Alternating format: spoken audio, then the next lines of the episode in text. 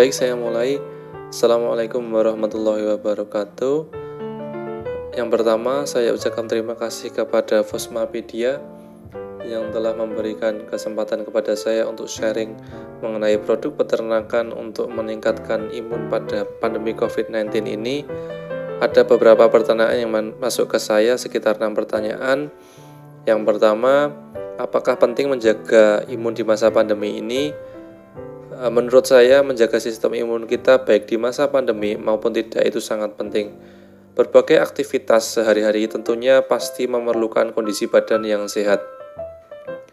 Sebagaimana yang kita ketahui, eh, setiap menit atau bahkan detik, secara tidak kita sadari, kita terpapar berbagai benda asing seperti bakteri ataupun virus yang tersebar di lingkungan.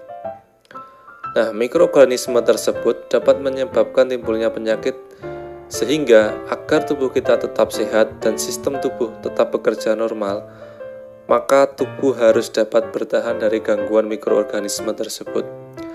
Nah, sistem imun inilah yang berperan sebagai benteng pertahanan tubuh kita terhadap serangan bakteri dan virus. Sehingga menjaga dan memperkuat sistem imun ini penting agar kita tetap memiliki badan yang sehat dan tidak mudah terserang penyakit terutama di masa pandemi ini. Selanjutnya untuk pertanyaan yang kedua, bagaimana produk peternakan berpengaruh terhadap sistem imun? E, di dalam pola konsumsi makanan, kita selalu diajarkan untuk makan dengan menu yang beragam dan seimbang. Nah, produk pangan hewani ini adalah salah satu sumber pangan yang mengandung berbagai senyawa esensial yang diperlukan tubuh. Untuk terkait dengan sistem imun, Pangan hewani mengandung berbagai senyawa bioaktif yang dapat membantu memperkuat sistem imun.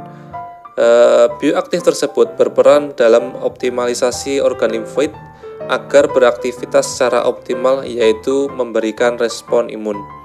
Nah, sebagai contoh, susu mengandung antibodi yaitu imunoglobulin yang membantu memperkuat daya tahan tubuh. Selain itu juga beberapa kandungan di dalam susu seperti laktoferin dan juga ovotransferin di dalam telur merupakan protein yang memiliki sifat sebagai antiviral.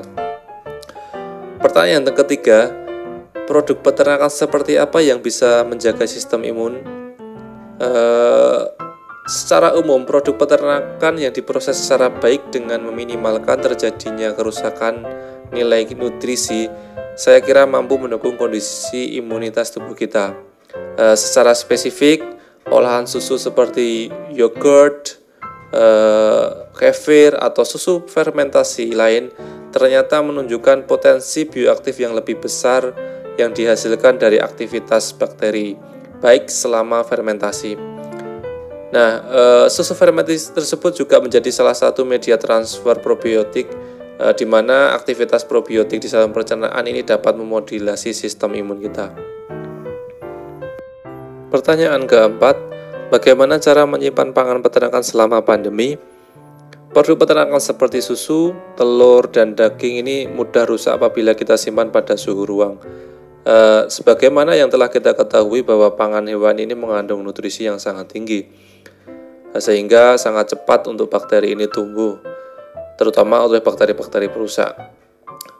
Sehingga selalu simpan dalam kondisi dingin dan tertutup sangat disarankan agar kondisi pangan ini tetap baik.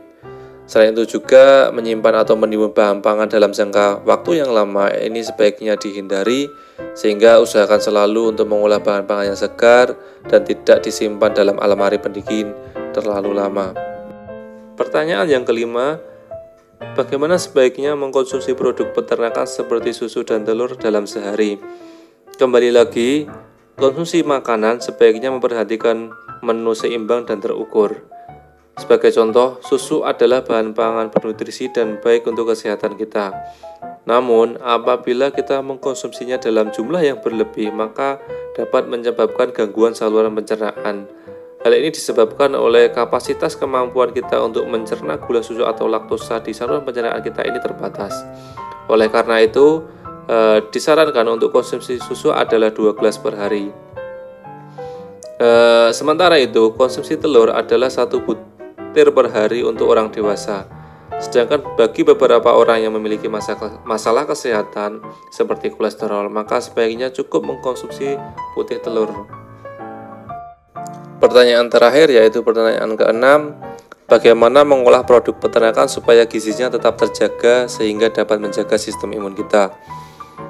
Mengolah produk peternakan sebaiknya dihindari dengan proses pemanasan yang terlalu tinggi dan dalam jangka waktu yang lama, karena cara tersebut akan merusak berbagai komponen fungsional dan bioaktif yang secara umum komponen tersebut bersifat sensitif terhadap panas tinggi.